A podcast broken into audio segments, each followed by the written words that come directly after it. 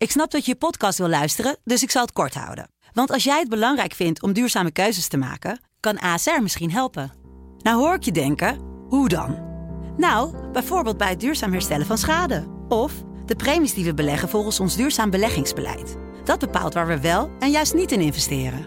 Wil je meer weten over welke duurzame keuzes ASR maakt? Ga dan naar asr.nl/slash duurzame keuzes. ASR doet het. Zo, dan kan je nu lekker naar je podcast luisteren. In deze podcast van de Telegraaf elke dag het belangrijkste coronanieuws op een rij. De cijfers en de feiten met thuiswerkers Pim CD en Kamran Oela. En het zal u niet verbazen dat we inderdaad tot een verlenging hebben besloten. En wel tot en met dinsdag 28 april. Zo sprak premier Rutte op dinsdagavond 31 maart 2020.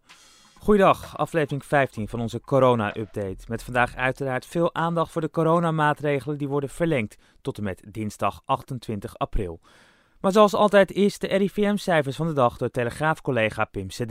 In de afgelopen dag zijn 175 mensen in Nederland overleden aan het coronavirus. Het hoogste aantal tot nu toe. En dat brengt het dodental op 1039. 89% van de overledenen was ouder dan 70 jaar. Er zijn 845 nieuwe besmettingen geregistreerd. Dat brengt het totaal op 12.595. En het aantal coronapatiënten dat is opgenomen in het ziekenhuis is met 722 gestegen naar 4712. Een deel daarvan is ook weer thuis. Op dit moment liggen 1151 coronapatiënten op de intensive care afdelingen van ziekenhuizen.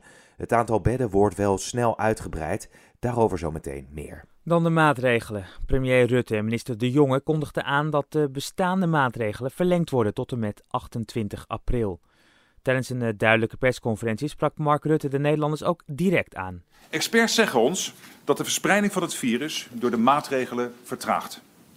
Maar we zijn er nog lang niet. Kijk naar het enorme aantal doden, 175, wat we vandaag met elkaar te betreuren hebben. We leven mee met familie en nabestaanden. We moeten dit virus onder controle krijgen. Daarom hou vol en blijf u aan de regels houden. Duidelijke taal van de premier. En daarom worden de maatregelen in elk geval verlengd tot en met 28 april. En dat betekent concreet dat restaurants, kapperszaken, musea en theaters dicht blijven. En ook beroepen waarbij mensen contact met elkaar hebben zijn tot en met 28 april niet mogelijk. En er was nog een heldere boodschap van de premier voor mensen die al plannen willen maken om er met elkaar op uit te trekken met Pasen of de meivakantie. Het devies is en blijft: blijf zoveel mogelijk binnen. We willen het liefst dat zo min mogelijk mensen door het land gaan reizen. Blijf dus zoveel mogelijk thuis. En nu zou u kunnen denken, de meivakantie die valt gek genoeg al vaak een deels in april. En dus ook deels na 28 april. Maar ook na 28 april gaan we echt nog niet meteen terug naar de normale situatie. Dus als u het aan mij zou vragen, ga nou geen plannen maken voor de meivakantie. Dat is echt veel te voorbarig. Scholen blijven trouwens dicht tot en met de meivakantie, zodat leraren, ouders en scholieren nu al duidelijkheid hebben voor de komende tijd. Ja, en velen vragen zich ook af of er nog gevoetbald gaat worden in de Eredivisie dit seizoen.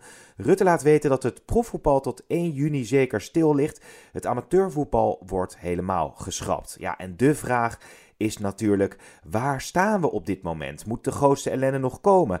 Of is het eind misschien voorzichtig in zicht? Nog één keer, premier Rutte. De boodschap is: we zijn voorbij de start, uh, maar we zijn nog niet aan het eind van het begin. We zijn voorbij de start en we zien nu ook de eerste voorzichtige resultaten. En dat is het goede nieuws. Uh, dat we ook niet vandaag extra maatregelen hoeven te nemen. Maar dan moeten we ons wel aan deze afspraken houden. En dat zag je afgelopen weekend, dat we dat zoveel beter deden dan het weekend daarvoor. Dus je ziet wat dat betreft heel voorzichtig dat wat we doen, dat dat heel voorzichtig begint te werken. Maar vandaag 175 doden. Het virus verspreidt zich nog steeds door Nederland. Dus het is veel te vroeg om te gaan afschalen. Over drie weken, op 21 april, een week dus voordat de huidige maatregelen aflopen, maakt het kabinet duidelijk hoe het na 28 april verder gaat. Minister De Jonge van Volksgezondheid ging uitgebreid in op de situatie in de zorg. Het piept en het kraakt, zo zei hij. Maar het aantal IC-plekken wordt snel opgevoerd. De afspraak is gemaakt uh, om uh, per zondag aanstaande naar 2400 bedden IC te gaan. Er is al heel veel gecreëerd, begreep ik zojuist van Ernst Kuipers, die daar als voorzitter van het landelijk overleg acute zorg natuurlijk het meeste zicht op heeft. Er gebeurt ongelooflijk veel, er wordt ongelooflijk hard gewerkt. We moeten zorgen dat de zorg in de benen blijft. Dus alles wat daarvoor nodig is, gaan we doen.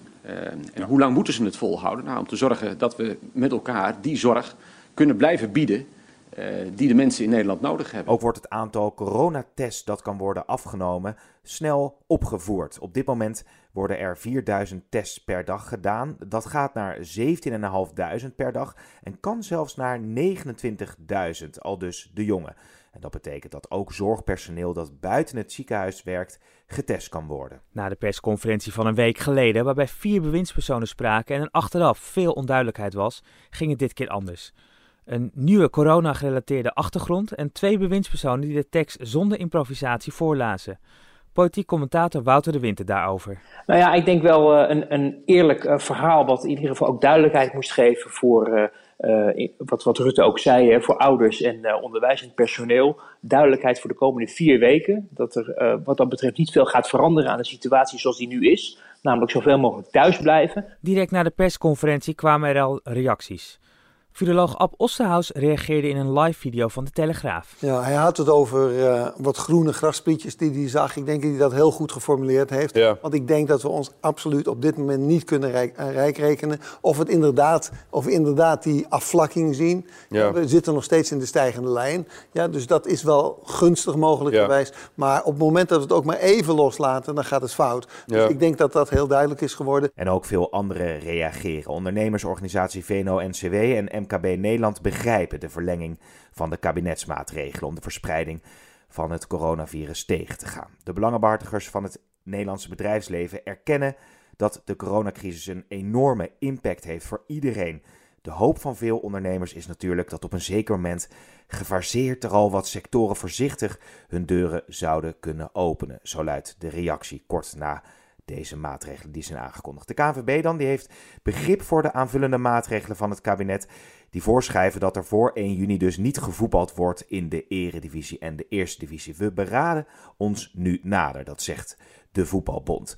En alle competities in het amateurvoetbal, die worden dus geschrapt. Ik zei het zo net al even. Dat betekent geen eindstanden en geen kampioenen. Zo is door de KNVB bekendgemaakt. In het hele land zijn er inmiddels zogenaamde coronahaarden. Paar dagen geleden hadden we het al over Nunspeet. Maar ook Sint-Oederode in Brabant lijkt hard getroffen.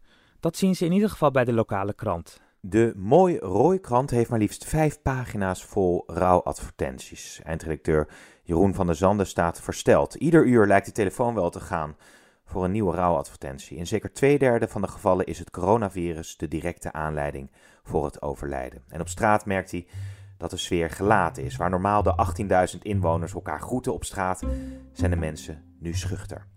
En toch zijn er ook lichtpuntjes en wel in Capelle aan de IJssel. Een 101-jarige vrouw die in het IJsseland ziekenhuis lag, is hersteld van het coronavirus en mag ook weer naar huis. In overleg met de familie is dit door het ziekenhuis bekendgemaakt om een sprankje hoop te geven in deze moeilijke tijden. Dan de Rotterdamse burgemeester Abu Taleb. Hij roept mensen op om met een zorgdiploma zich te melden. De zorg moet namelijk worden uitgebreid, met name ook buiten de ziekenhuizen. Zo wordt een hal in Ahoy al ingericht om coronapatiënten op te vangen. U hoort Abu Taleb. Het zou u wel duidelijk zijn dat we heel veel mensen nodig hebben om voor onze zieken zorg te dragen. Verpleegkundigen, verzorgenden. En eigenlijk is het type diploma wat u heeft niet zo relevant. Denkt u werkelijk een bijdrage te kunnen leveren in deze bizarre tijden, dan doe ik een dringend beroep op u. Meld u zich dan ook op uh, www.extrahandenvoordezorg.nl www.extrahandenvoordezorg.nl Ja, Nederland stemde niet in met de steunmaatregelen voor Zuid-Europese landen. En daardoor is wel de kritiek op ons land aan. We zouden een gebrek aan ethiek en solidariteit hebben. Zo schreven vooraanstaande Italiaanse politici en bestuurders in een pagina grote advertentie in de Frankfurter Allgemeine Zeitung. De Duitsers moeten vooral geen voorbeeld aan ons nemen. Minister van Financiën Hoekstra reageerde op de kritiek die er zowel in Brussel als in de Zuid-Europese landen klinkt. Pim. Ja, Kamran Hoekstra die gaat door het stof. Hij heeft, zo zegt hij zelf, niet goed gereageerd op de vraag voor financiële steun van Italië, het land dat zo zwaar door corona is getroffen. De minister erkent dat zijn toon niet goed was. Zo vertelt hij bij RTL Nieuws. Als je naar deze, los van deze specifieke citaten, ik heb natuurlijk met, uh, met Rutte vanochtend er ook over gehad. Als je zoveel storm oogst uh, als wij nu doen, ja, dan heb je het kennelijk uh, niet goed gedaan in de boodschap. Want wat wel is blijven hangen, is het Nederlandse standpunt over de eurobonds. Maar wat volstrekt is ondergesneeuwd, is de boodschap van solidariteit. Uh, en van hier samen uitproberen te komen, die wij natuurlijk ook hebben willen geven. Inhoudelijk was de boodschap wel juist, al dus Hoekstra. Want die zogenaamde coronabonds, een soort van gezamenlijke Europese lening, blijft hij een slecht idee vinden, omdat Zuid-Europese landen dan een lage rente gaan betalen en profiteren, en Noord-Europese landen juist de dupe zijn en een hoge rente gaan betalen. Maar uh, diep door het stof of niet, in Italië vindt men de Nederlandse houding nog altijd weerzinwekkend, kinderlijk, gevoelloos. Correspondent Maarten van Ouderen die interviewde op deze dinsdag premier Conte daarover. Het vertrouwen in de Europese Unie is de afgelopen dagen dramatisch gekelderd in Italië. Uit onderzoek van Noto Sondaggi van Antonio Noto blijkt dat uh, 72% van de Italianen vindt dat de Europese Unie tot nu toe op geen enkele manier heeft geholpen om de noodsituatie te verbeteren waarin Italië door het coronavirus is terechtgekomen. In totaal 77% van de Italianen denkt dat er de komende maanden niets verandert. En dat de verhouding met de Europese Unie conflictueus blijft en dat, er, dat het Italië niet zal brengen. En nog maar 25% van de Italianen heeft vertrouwen in de Europese Unie. Ja, dat komt met name natuurlijk door, door Nederland. De Italianen zijn enorm teleurgesteld in Nederland, ook omdat aanvankelijk uh, Italië eigenlijk altijd een goede indruk had van Nederland. Ja, wat betreft de Carlo Colenda, uh, die had dus in de Frankfurt de Algemene Zeitung die, die pagina, de advertentie gekocht en die was met die brief gekomen. Nu is Carla Calenda, Carlo Calenda, dat is een oud-minister van Economische Ontwikkeling en die heeft dat partijtje opgericht, Azione. Um, maar uh, premier Conte, die heeft mij verteld in het interview die heeft mij verteld op een gegeven moment dat hij het helemaal niet had gelezen. En ach, dat, daar, daar heeft hij ook niet zoveel aandacht aan besteed.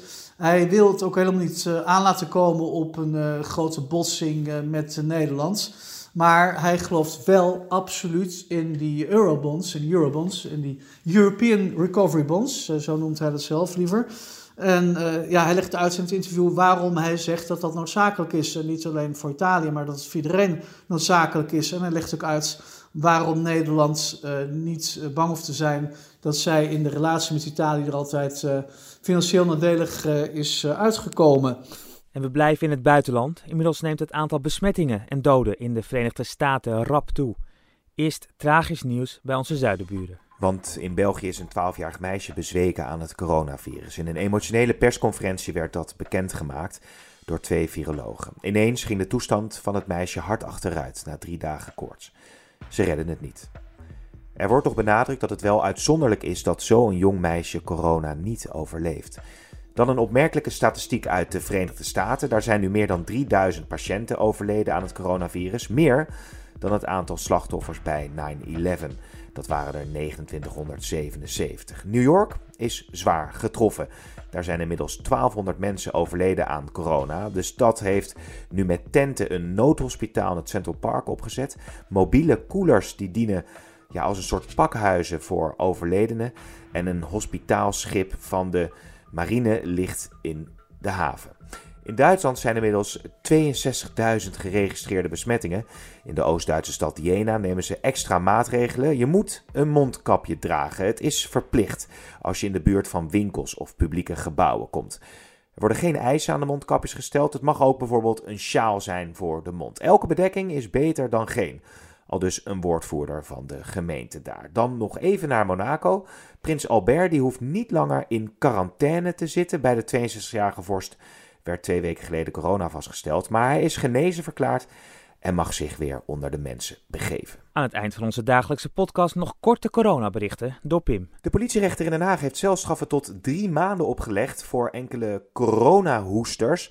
De hoogste straf was voor een 34-jarige man uit Rijswijk die in een drogisterij cosmetica stal. Twee agenten hielden hem buiten aan. De man hoestte en spuugde in hun richting en riep iets over corona. Het ministerie van Buitenlandse Zaken dan, die heeft tot nu toe 23.000 aanmeldingen gekregen van Nederlanders die vanuit het buitenland terug willen naar huis. Dat zegt minister Blok, die ook wist te melden dat inmiddels zo'n duizend Nederlanders met acht vluchten zijn teruggehaald. De koning en de koningin dan, die staken al die mensen die nu hard werken, een hart onder de riem. Koning Willem-Alexander die sprak met leidinggevenden bij de AWB. De alarmcentrale die zet zich dus in om de gestrande Nederlanders in het buitenland thuis te krijgen. Koningin Maxima die ging naar het Rode Kruis in Loenen. Ja, en er worden inmiddels ook evenementen in september afgezegd. Het gaat om bloemencorso's. Onder andere in Zundert en Lichtenvoorde gaan ze niet door. Ja, en zoals jullie het gewend zijn van ons, een muzikaal slot.